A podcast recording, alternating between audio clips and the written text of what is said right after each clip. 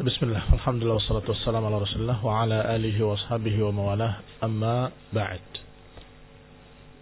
قال المقدسي رحمه الله كتاب الطهارة الحديث الأول عن أمير المؤمنين.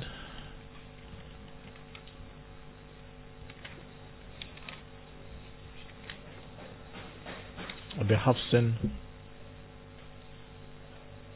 عمر بن الخطاب رضي الله تعالى عنه.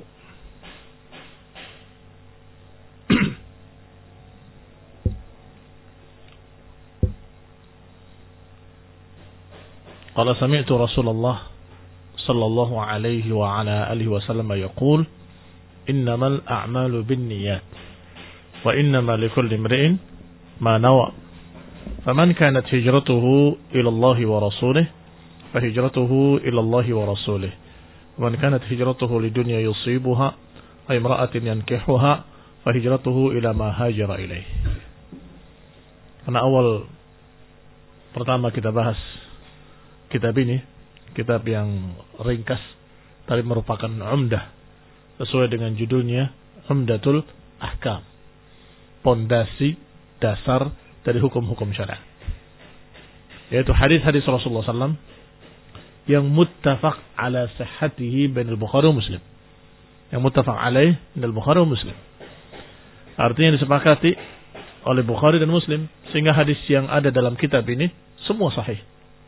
Tidak perlu dilakukan kesahihannya.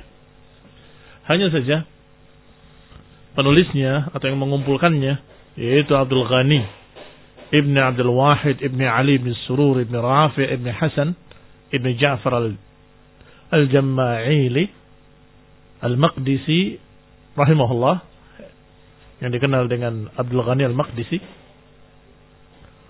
beliau sengaja mengumpulkan hadis-hadis yang muttafaq alaih dan alamin hajihi mengumpulkan dan tidak memasukkan dalam kitabnya ini kecuali yang diriwayatkan Bukhari dan Muslim.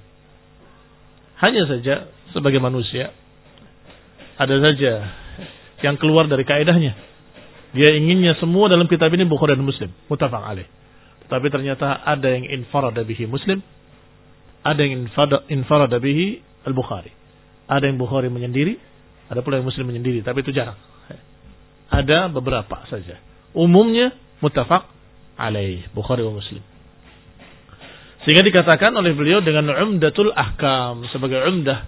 Karena yang lainnya adalah penjelasan rincian yang diriwayatkan dalam sunan dalam yang lainnya adalah perkara-perkara yang sifatnya mempertegas atau memperjelas atau merincikan dan seterusnya.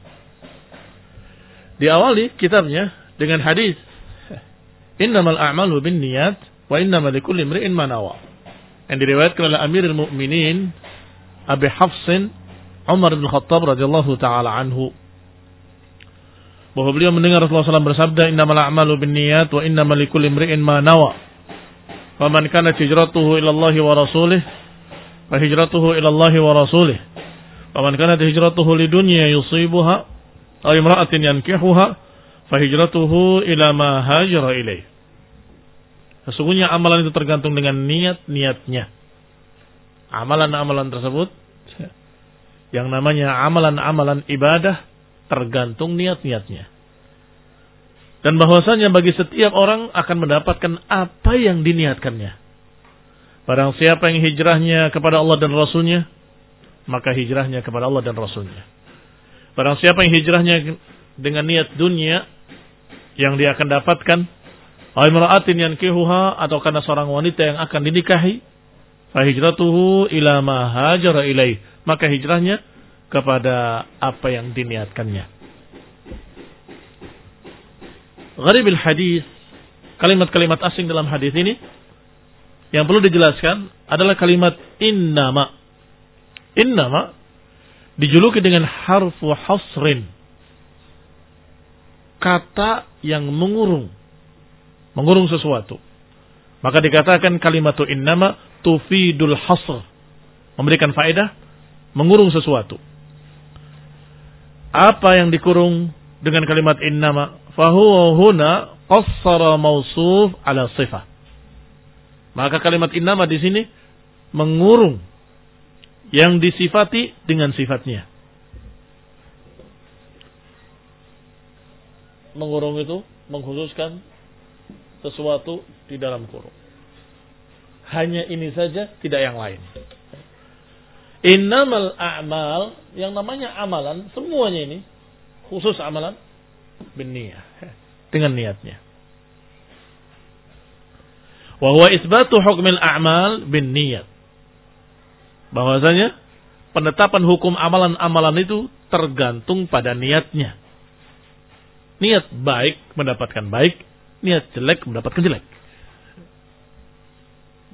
Fahuwa fi quwwati maka dia kekuatannya sama dengan kalimat mal a'malu illa bin niat. Tidaklah ada amalan kecuali dengan niatnya. Itu mana innama. Tidak ada amalan lain. Yang namanya amalan selalu dengan niatnya. Innamal a'malu bin niat maknanya mal a'malu illa bin niat. Jadi yanfil hukum amma adahu. Ini meniadakan hukum lain selain apa yang ditetapkan oleh Nabi bin niat. Yang namanya amalan mesti dengan niatnya. Yang kedua, an-niyah lughatan al-qasad. Kalimat kedua yang perlu diterangkan adalah kalimat an-niyah. Apa sih niat? Alhamdulillah bahasa Arabnya an-niyah, bahasa Indonesianya niat. Sehingga mudah dipaham. Kalau mau didefinisikan, niat maknanya adalah al-qasad, tujuan. Kamu berdiri, apa tujuannya? Kamu duduk, apa tujuannya? Kamu makan, apa tujuannya? Kamu berjalan, apa tujuannya? Kalau dia berjalan untuk talabul ilm, maka hukumnya mendapatkan pahala besar. Man salaka tariqan yaltamisu fihi ilman, sahalallahu lahu tariqan ilal jannah. Siapa yang berjalan dalam satu jalan untuk mencari ilmu, maka Allah akan mudahkan jalannya ke dalam surga. Tetapi ada yang berjalan untuk kejelekan. Ya tentunya hukumnya jelek. Kamu menjalani jalan kejelekan. Loh saya nggak berbuat apa-apa. Iya, tapi kamu mendekat kepada kejelekan dengan langkah-langkahmu, maka itu sedang berbuat jelek. Barakallahu fikum. Maka yang namanya amalan tergantung niatnya. Kadang-kadang amalannya sama, karena niatnya berbeda, hukumnya juga berbeda. Wa bil ifrad fi aktsari riwayat disebutkan dalam keadaan mufrad di kebanyakan riwayat-riwayat. Karena namanya riwayat-riwayat kadang-kadang berbeda lafat-lafatnya. Kadang-kadang berbeda lafat-lafatnya. Ada yang dengan lafat mufrad, ada yang dengan lafat jamak. Ternyata di kebanyakan riwayat amalnya dengan mufrad. Yaitu dengan kalimat innamal amal atau innamal amalu bin niyyah bin niat dengan mufrad. Niatnya dengan lafaz mufrad. Sedangkan yang ada pada kita niat dengan alif dan tak maftuhah, tak yang terbuka, maka itu bentuk jamak. Mufradnya an-niyah. Jamaknya an-niyat. Satu niat. Niat dengan niat-niat. Innamal a'malu bin niyah. Sesungguhnya amalan itu tergantung niat. Mufrad. Di kebanyakan riwayat. Tetapi riwayat yang bersama kita. Innamal a'malu bin niyat. Sesungguhnya yang namanya amalan dengan niat-niatnya. Jamak bentuknya. Qala al-Baydawi, "An-niyyah ibaratun 'an inbi'atil qalbi nahwu ma yarah." Muwafiqan li gharadin min jalbi naf'in au daf'i dharrin. Kata Al-Baydawi, niat itu adalah ungkapan yang muncul di hati ke arah apa yang dia anggap cocok untuk tujuan. Apakah jalbi naf'in atau daf'i dharrin? Apa tujuannya? Biasanya imma tujuannya jalbi naf'in mendapatkan satu manfaat Audaf daf'i menolak satu madarat. Manusia secara fitrah Manusia secara fitrah. Semua manusia. Kalau berbuat sesuatu, kira-kira buat apa? Cuma dua pilihan. Imma mendapatkan manfaat. Wa imma menolak madarat. Tiba-tiba orang berjalan, tiba-tiba minggir. Oh, menolak madarat. Takut kepanasan atau takut kecelakaan. Tabrak mobil. Iya kan? Atau tiba-tiba dia lari. Kenapa dia lari? Ternyata naf'in. Ingin mendapatkan apa yang jatuh dari orang yang sedang membagikan uang. Rebutan. Wow, tiba-tiba lari dia. Apa itu? Jalbi naf'in. Yang ini daf'i durrin. Hampir semua. Tidak ada orang yang berbuat kecuali punya niat. Illal majnun. Iya kan? Illa al majnun kecuali orang gila. Yang dia berbuat sesuatu dalam keadaan ada niat. Kadang-kadang dia berbuat tanpa tujuan apa pun. Tetapi kalau orang itu normal, akil, maka niscaya perbuatannya mesti ada tujuan. Min daf'i durrin au jalbi naf'in. Apakah mendapatkan manfaat atau menolak madarat? Hanya saja ada yang orientasinya dunia, ada yang orientasinya akhirat. Ada yang manfaatnya manfaat dunia saja, menolak madaratnya madarat dunia saja. Nggak dipikirkan masalah manfaat akhirat dan madarat akhirat. Tetapi ada di antara mereka orang-orang mukmin, orang-orang yang bertakwa. Maka mereka mencari sesuatu, beramal, beramal, beramal untuk apa? Mencari naf'in, naf'il akhirah. Dan menghindari durrin, durril akhirah.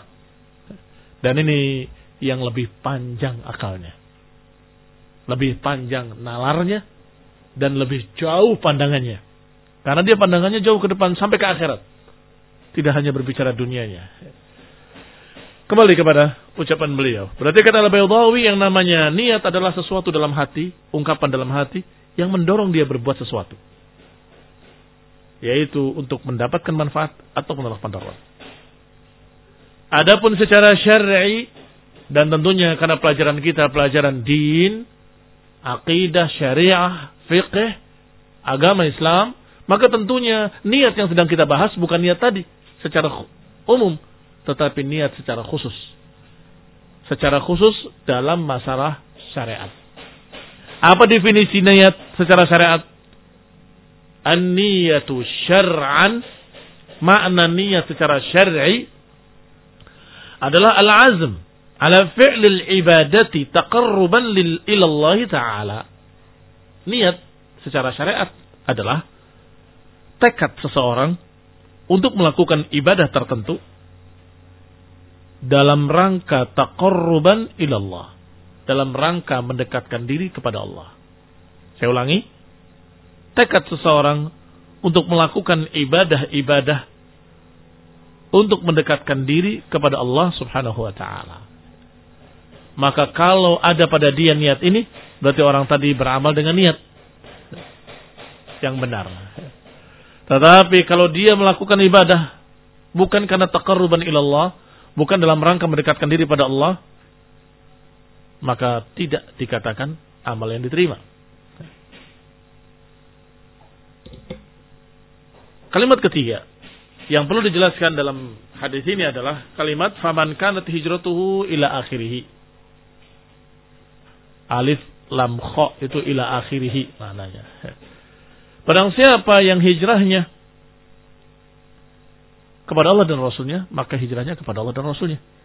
Barang siapa yang hijrahnya karena dunia, karena wanita yang akan dinikahi, maka dia hijrah kepada apa yang diniatkannya. Ini sebagai contoh dari Nabi Sallallahu Alaihi wa ala alihi Wasallam. Mithalun yuqarrir wa yuwaddih al-qa'idah as-sabiqah. Ini contoh yang menetapkan dan menjelaskan kaedah yang sudah disebutkan lebih dulu. Sabiqah yang sudah disebutkan lebih dulu. Apa kaedahnya tadi? Innamal a'malu bin niyah wa innamal likulli imri'in manawa. Sesungguhnya amalan tergantung niatnya dan setiap orang akan mendapatkan apa yang diniatkannya. Niat baik dapat baik, niat jelek dapat jelek. Nah, Dicontohkan oleh Nabi dengan contoh, "Faman kanat hijratuhu ilallah wa rasulih."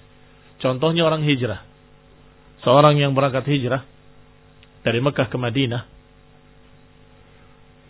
Tentunya seharusnya semestinya adalah hijrah membawa agamanya kepada tempat yang lebih aman untuk dia terapkan agamanya. Hijrah dari tempat yang dia tidak mungkin menegakkan agamanya ke tempat yang dia bisa menjalankan agamanya. Itu hijrah yang syar'i. Tetapi ada orang yang ikut hijrah tetapi bukan karena ingin menegakkan ibadahnya, tapi karena kekasihnya atau orang yang akan dinikahinya ada di sana. Berarti saya harus hijrah ke sana. Saya mau nikahi dia. Atau kebetulan dagangnya di tempat dia sudah tidak laku. Di sana akan lebih laku. Saya dengar-dengar katanya di sana bagus. Perdagangannya demikian demikian demikian, maka dia hijrah. Berarti karena dunia. Maka apa yang dia, dia dapatkan? Bukan pahala hijrah. Yang akan dia dapatkan hanya wanita yang dinikahinya. Dan hanya dunia yang dia cari. Dia dapat dunia. Nyari dunia dapat dunia. Cari perempuannya dapat apa yang diniatkan. Adapun akhirat dia tidak dianggap sebagai seorang yang beribadah pada Allah Subhanahu wa taala. Enam, hati-hati. Apa niatnya kamu hijrah dari desa kamu sampai ke desa yang jauh, dari pulau kamu ke pulau yang jauh. Kalau niatnya karena Allah untuk cari ilmu, maka itu adalah hijrah yang baik.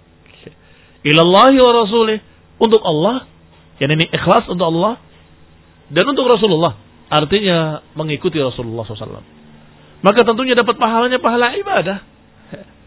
Tetapi kalau hanya ikut-ikutan atau hanya berkeinginan saya dengar katanya di daerah tersebut wanitanya cantik-cantik, akhwatnya bagus-bagus. Saya, mau nikah di sana aja. Maka niatnya yang salah akan merusak ibadahnya. Dan dia tidak mendapatkan pahala apa-apa. Karena bukan niat untuk Allah dan Rasulnya. Faman kanat hijratuhu ini jumlah syartiyah. Jumlatun syartiyatun. Dan kalau jumlah syartiyah mesti ada jawab. Ada jawabu syarat. Jumlah syartiyah itu barang siapa yang begini dan jawabnya niscaya akan begitu. Barang siapa yang begini akan begini. Itu namanya syarat dan jawabannya. Dan biasanya pakai ada waktu syarat. Di sini ada waktu syaratnya adalah man. Man kanat hijratuhu ilallahi wa rasulih, fa hijratuhu ilallahi wa rasulih. Itu jawab syarat. Itu jawab asyarat. Barang siapa yang begini, maka dia akan begini. Wattahada syarat wal jawab. Tetapi di sini keunikannya adalah syarat dengan jawabannya sama. Perhatikan. Barang siapa yang hijrahnya pada Allah dan Rasulnya? Jawabannya, maka hijrahnya pada Allah dan Rasulnya. Sama apa enggak sama? Sama. Faman kana hijratuhu ila Allah wa rasulih, maka hijrahnya pada Allah dan Rasulnya. Kaif ittahada syarat wal jawab. Bagaimana bisa satu semakna bahkan persis kalimat per kalimatnya antara syarat dengan jawabannya. Li'annahuma ala takdir karena maknanya bisa difahami man kanat hijratu ila Allah wa rasulih niyatan wa qasdan fahijratuhu ilallahi wa rasulih sawaban wa ajra. Sama kalimatnya tetapi berbeda yang dimaksud. Yang pertama, barang siapa yang hijrah pada Allah kepada Allah dan Rasulnya secara niatnya, maka dia hijrahnya pada Allah dan Rasulnya secara pahalanya. Berarti kalau diterjemahkan bebasnya, barang siapa yang niatnya karena Allah dan Rasulnya, maka pahalanya pun pahala hijrah pada Allah dan Rasulnya. Paham ya? Yang pertama menerangkan tentang niat, yang kedua menerangkan tentang pahalanya. Tapi lafaznya sama. Siapa yang hijrahnya pada Allah dan Rasulnya, pahalanya pun hijrah pada Allah dan Rasulnya. Artinya sesuai dengan apa yang diniatkannya dia dapat pahalanya. Demikian pula yang sebaliknya, naudzubillah, siapa yang hijrahnya karena wanita yang akan dinikahi, atau karena dunia yusibuha, maka niscaya hijrahnya kepada yang diniatkannya. Artinya pahalanya ya hanya dapat apa yang diniatkan. Niat dapat dunia ya dapatnya dunia. Niat dapat perempuan ya dapatnya perempuan saja. Tidak mendapatkan pahala di akhirat. Al-ma'na lijmali. Maknanya secara ringkas. Hada hadithun azim. Wa qa'idatun jalilah. Min qawaid al-Islam. Yal qiyasus sahih liwaznil a'mal. Ini adalah hadis yang besar. Kaidah yang agung. Dari kaidah-kaidah Islam. Bahkan ini adalah pandangan kias yang benar. Untuk menimbang sebuah amalan. Atau untuk menimbang amalan-amalan. Min haitsul qabuli wa adam. Dari sisi diterima atau tidak diterimanya. Dengan apa diukurnya? Dengan hadis ini. Yaitu niat. Wa min haitsu kasratis thawab wa qillatuh. Dan termasuk dari sisi banyaknya pahala atau sedikitnya pahala. Itu tergantung niatnya. Niatnya untuk dia seorang, yes kecil pahalanya. Tapi kalau niatnya adalah untuk ummah, ya pahalanya lebih besar. Ya. Barakallahu fikum. Berarti niat akan mempengaruhi apa? Satu, mempengaruhi diterima atau ditolaknya. Niat ikhlas diterima, niat tidak ikhlas ditolak. Yang kedua, akan bisa merubah sedikit atau pahalanya, eh, sedikit atau banyaknya pahala. Kalau niatnya begini, pahalanya sedikit. Kalau niatnya begini, pahalanya lebih banyak. Ya. Berarti bisa mempengaruhi diterima atau tidak diterima. Juga bisa mempengaruhi banyak atau sedikitnya pahala. فإن النبي صلى الله عليه وعلى آله وسلم يخبر أن مدار الأعمال على النيات karena Nabi SAW menghabarkan dalam hadis ini bahwa lingkupnya perbuatan amalan-amalan itu lingkupnya tergantung pada niat-niatnya. Fa'in kanat niyah salihah. Kalau niatnya salihah. Niatnya baik. Wal amal khalisan. Dan amalnya baik. Murni. Untuk wajah Allah subhanahu wa ta'ala. Fal amalu maqbul. Maka amalannya diterima. Wa in kanat ghairu dalik dan kalau ternyata tidak demikian, tidak ada niat yang baik dan tidak ikhlas karena Allah, fal amalu mardud, maka amalannya tertolak. Fa inna Allah Ta'ala aghna syuraka 'ani syirik. Karena Allah Subhanahu wa taala adalah yang paling kaya dari semua sekutu-sekutu. Riwayat dalam hadis qudsi Rasulullah SAW menyatakan Allah berfirman, "Ana bahwa Allah mengatakan, Ana aghna syuraka ani syirik. Faman ashraka fihi ma'i, taraktuhu wa syirkahu. Aku dalam paling kaya di antara semua sekutu. Maka siapa yang beribadah menyertakan bersamaku selainku, maka kata Allah, aku tidak butuh. Aku tinggalkan amalannya untuk sekutu-sekutu. Silahkan. Allah tidak menerima. Karena Allah paling kaya. Kalau disertakan ini untuk Allah dan juga untuk yang lain. Ini untuk Allah dan juga untuk dipuji. Ini untuk Allah dan juga karena untuk dunia. Maka Allah tidak butuh. Silahkan. Ambil untuk dunia, aku tidak butuh. Idhabu ila man kuntum tura'una fid dunya. Silakan pergi kalian kepada orang-orang yang kalian ingin dipuji di dunia. Hal tajidu minhum jazaa. Silakan apakah kalian akan mendapati pahala dari mereka? Ini Allah nggak akan berikan pahala dan Allah nggak akan menerima amalan itu. Silakan minta pahala dari orang-orang yang kamu dulu ingin dipuji oleh mereka. Ambil pahala dari mereka. Tentunya ini pelecehan. Artinya penghinaan pada mereka-mereka yang tidak ikhlas. Yang niatnya bukan karena Allah, tapi karena ingin dipuji. Qala ثم ضرب صلى الله عليه وعلى آله وسلم مثلا. kalau Nabi memberikan contoh dalam bahasa Arab memberikan contoh itu doroba. Sehingga makna doroba bukan hanya memukul. Doroba memukul. Tetapi kalau doroba masalan artinya memberikan contoh. Daraballahu masalan kalimatan tayyibatan kasyajaratin tayyibah. Allah memberikan permisalan bahwasanya kalimat yang baik seperti pohon yang baik. Baik. Daraballah, daraban Nabi SAW. Nabi memberikan masalan. Yuwaddih hadhihi al-qa'idah al-jalilah bil hijrah. Nabi memberikan contoh untuk menjelaskan kaidah yang mulia ini dengan contoh hijrah.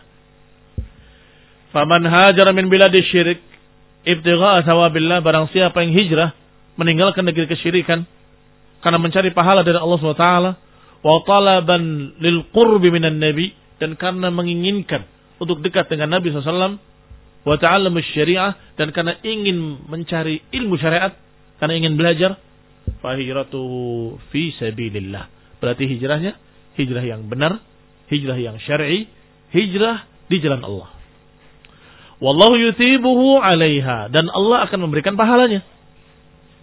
Wa man kanat hijratuhu li gharadin min aghraqid dunya. Sedangkan siapa yang hijrahnya karena tujuan dari tujuan-tujuan dunia, falaisa lahu 'alaiha thawab.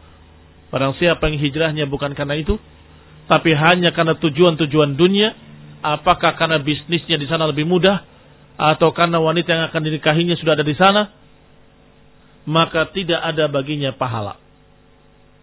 Fa in wa kanat ila ma'siyah kalau ternyata kepada maksiat fa alaihi al-iqab maka dapatnya justru balasan azab karena dia beribadah bukan karena Allah Subhanahu wa taala tapi karena makhluk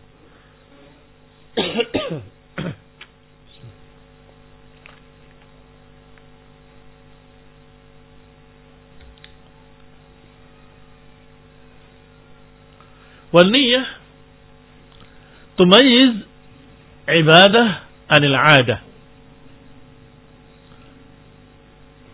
Niat akan membedakan ibadah dari adat istiadat kebiasaan. Dibedakan dengan apa? Dengan niat. Si fulan pagi-pagi mandi segar bugar, masya Allah. Si fulan subuh-subuh sudah mandi, masya Allah. Turunnya mandi. Hampir sama. Perbuatannya sama, semuanya sama. Ternyata yang tadi mandi pagi adalah hanya ingin menyegarkan badannya. Maka itu bukan ibadah. Disebut ada. Disebut ada. Tetapi yang subuh tadi mandi karena ingin sholat subuh. Karena saya junub maka saya harus mandi taharahnya. Kemudian sholat. Maka mandi jadi ibadah. Jadi sama-sama mandi. Akan terbedakan. Mandi yang pertama adalah ada, adat saja, kebiasaan sehari-hari. Yang kedua, ibadah. Dibedakan dengan apa? Mandinya sama, menyiramkannya sama, bersih-bersihnya sama. Perbedaannya hanya pada niat ini tidak ada niat untuk taharah, yang ini ada niat untuk taharah, maka dia adalah ibadah. Man atau mada yumayyiz atau man ladhi yumayyiz bainahuma apa yang membedakan antara keduanya al-adah wal ibadah? An-niyah. Berarti an-niyah sudah kita dapatkan berapa fungsi? Pertama, an-niyah membedakan antara al-maqbul dan al-mardud. Kalau niatnya untuk Allah semata, tidak untuk yang lain, makbul, diterima. Kalau ternyata niatnya ria, hanya ingin dipuji, hanya untuk dunia, maka mardud tertolak. Baik. Sekarang kita dapatkan lagi, ternyata niat juga tumayiz bainal adah wal ibadah. Niat membedakan antara adat dengan ibadah. Juga niat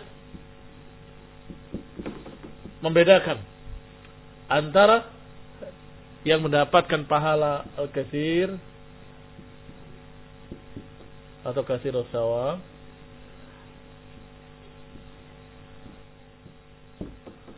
wa qillatihi banyaknya pahala wa qillatihi atau sedikitnya pahala juga karena niat. Berarti bin niyah tumayiz ada wal ibadah. Bain al-'adah wal ibadah. Wan niyyah aidan aidan tumayiz bain al-ibadah al-maqbulah dan ibadah yang ghair maqbulah. Dan 'adah tumayiz bain man lahu thawabul jazil al-katsir wa man laisa lahu thawabul katsir. Lahu thawab lakin An-niyah. Sebabnya adalah niyah.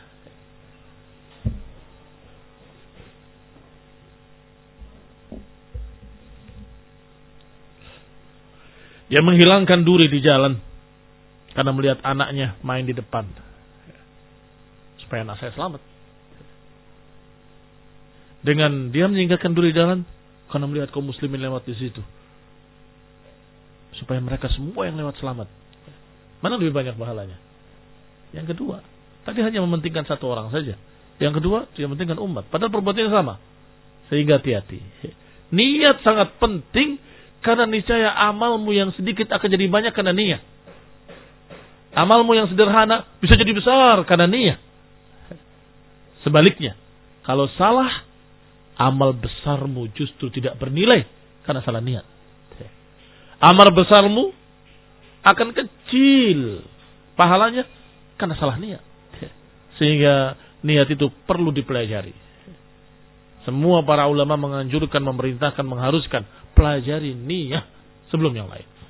Sehingga kamu akan lihat di awal bab-bab fikih dalam kitab para ulama siapa pun rata-rata mengawali babnya dengan hadis ini. Innamal a'malu bin niat. Dan Imam Syafi'i mengatakan sungguh aku ingin untuk masukkan hadis ini dalam setiap bab dalam kitab fikih. Bab taharah innamal amalu bin niat di awalnya. Babus salah innamal amalu bin niat di awalnya. Babul jihad, innamal a'malu bin niyah di awalnya. Setiap bab fikih aku awali dengan kalimat innamal a'malu bin niyah. Kenapa? Karena semua fikih, bab fikih apa pun pasti akan berbicara niat. Salat tidak niat yang benar tidak diterima. Taharah tidak niat yang benar tidak diterima. Seorang junub berjalan pulang ke rumahnya kehujanan di jalan. Basah semua dari ujur tubuhnya, kepalanya, sampai kakinya. Apakah sudah suci? Kan dia junub. Kehujanan, basah kuyup dari ujung kepala sampai ujung kaki. Sudah sah toharonya dan sudah bersih? Tidak. Kenapa? Gak ada niat. Atau orang yang junub berjalan lewat jembatan bambu, tiba-tiba jatuh ke air tenggelam. Sampai dia ke pinggir sudah basah semuanya. Apakah sah? Toharohnya? Apakah dia hilang junubnya? Tidak. Kenapa? Niat. Tapi kalau dia dalam keadaan lihat sungai yang jernih, dia masuk dalamnya. Mandi. Dengan niat untuk toharoh.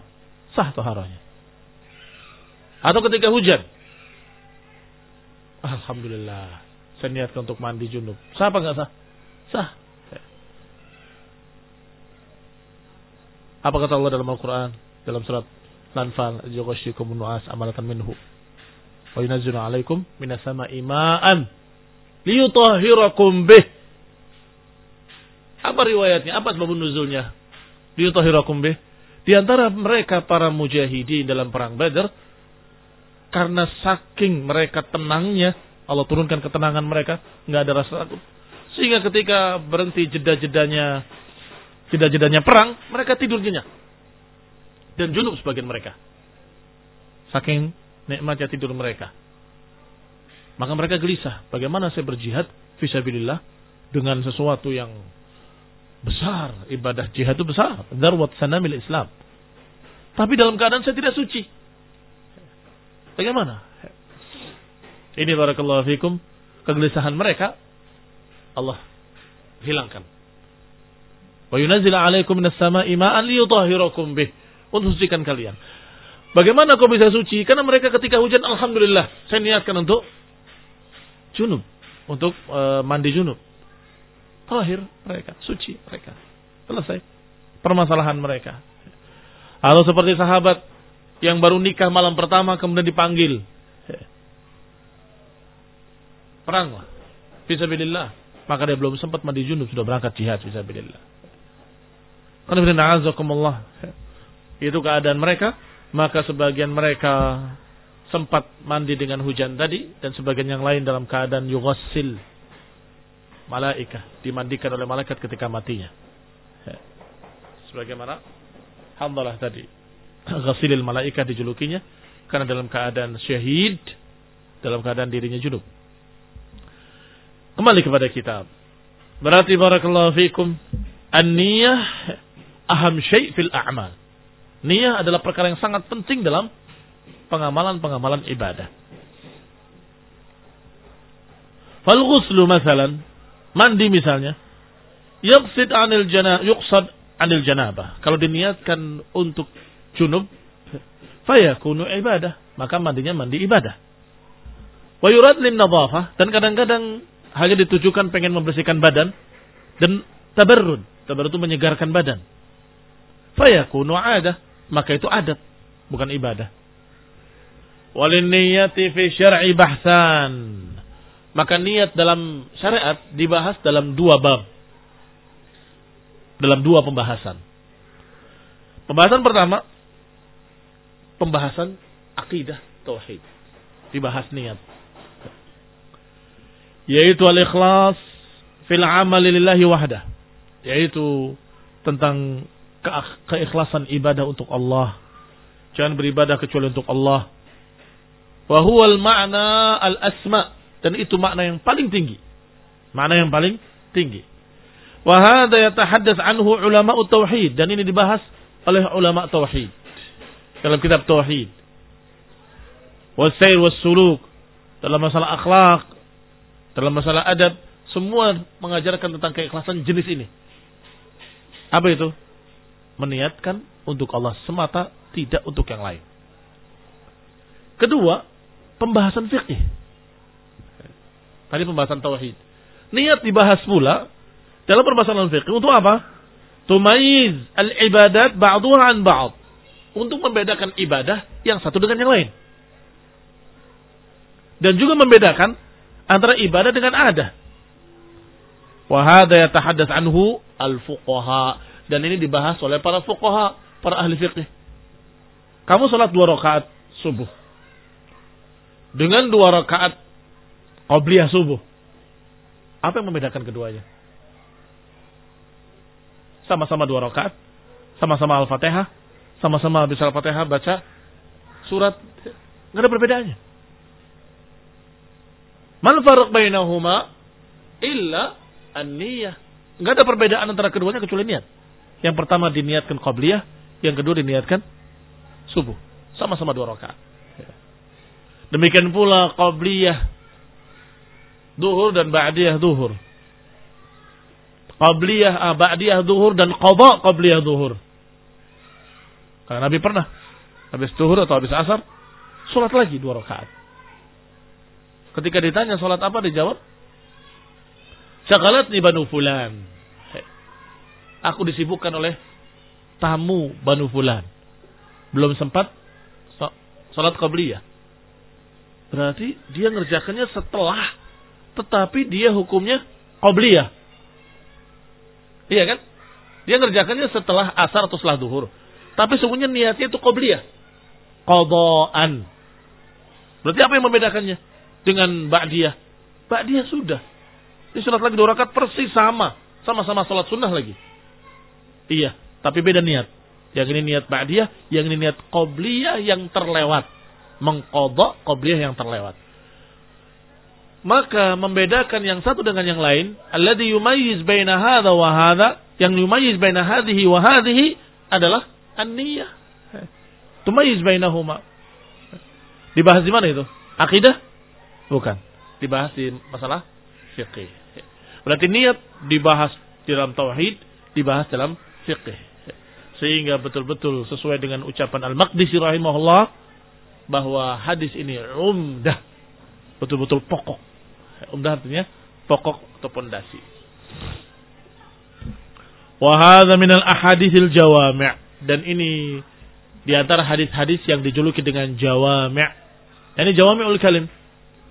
Dan jawami'ul kalim itu keistimewaan Rasulullah SAW yang diberikan oleh Allah Subhanahu wa taala kepadanya. Apa hadisnya? U'titu khamsan lam yu'tahunna ahadun minal anbiya'i qabli. Aku diberi lima yang tidak diberikan pada nabi-nabi sebelumku. Di antaranya utitu jawami'ul kalim. Aku diberi jawami'ul kalim. Jawami'ul kalim adalah kalimat-kalimat yang ringkas tapi bermakna luas. Kalimat yang ringkas tapi bermakna luas. Kalimatnya cuma dua. Innamal a'malu bin niat wa innamal likulli imri'in manawa. Titik. Adapun faman kana hijratuhu ilallah ila akhirih itu contoh. Berarti dua kaidah ini dibahas dalam semua bab fikih, dibahas dalam akidah, dalam semua bab berarti. Barakallahu fikum. Hadza min jawami' al-kalim allati yajib al-i'tina biha wa tafhamuha yang harus dipelajari, diperhatikan dan harus dipelajari. Fal kitabah al-qalilah la tu'tihi haqqahu. Maka catatan yang sedikit sungguh tidak mencukupi. Untuk menjelaskan kalimat ini tadi. Apa sudah kita bahas satu lembar ini? Nggak mencukupi. Karena luasnya yang terkandung dalam makna hadis innamal a'malu binniyat. Wa qad iftataha al-Imam al-Bukhari rahimahullah sahihahu lidukhuli fi kulli masalah. Imam Bukhari rahimahullah telah membuka dalam kitab sahihnya untuk masuk pada setiap masalah dalam masalah-masalah ilmu dan setiap bab dari bab-bab ilmu dimulai dengan innamal a'malu binniyat. Intah. Selesai. Baik. Mafhum? Paham? Kalau nggak ada nggak paham tanyakan. Ada yang tanya? Kalau nggak ada yang tanya berarti paham. Kalau sudah paham saya yang tanya. Ya. Tapi jawabnya sebagai PR saja. Apa yang kamu dapati? Faedah-faedah dari hadis ini. Setelah dijelaskan. Apa saja faedah yang kamu dapatkan? Boleh ambil dari sini, terjemahkan. Boleh dari luar, boleh dari apa yang menurut kamu itu faedah. Nanti kita lihat apakah itu benar-benar faedah atau bukan. Atau apa yang kamu baca dari kitab lain, terserah. Beberapa ulama bisa mengeluarkan dari satu hadis sekian puluh sampai sekian ratus faedah. Satu hadis dibahas faedahnya sampai sekian banyak. Masya Allah. Sehingga kamu lihat hadis ini beberapa faedah yang kamu dapatkan. Tulis di buku catatan kalian dan setelah kita akan baca. Barakallahu fikum. Subhanaka bihamdik. Asyhadu an la ilaha illa anta astaghfiruka wa atubu ilaik. Warahmatullahi wabarakatuh.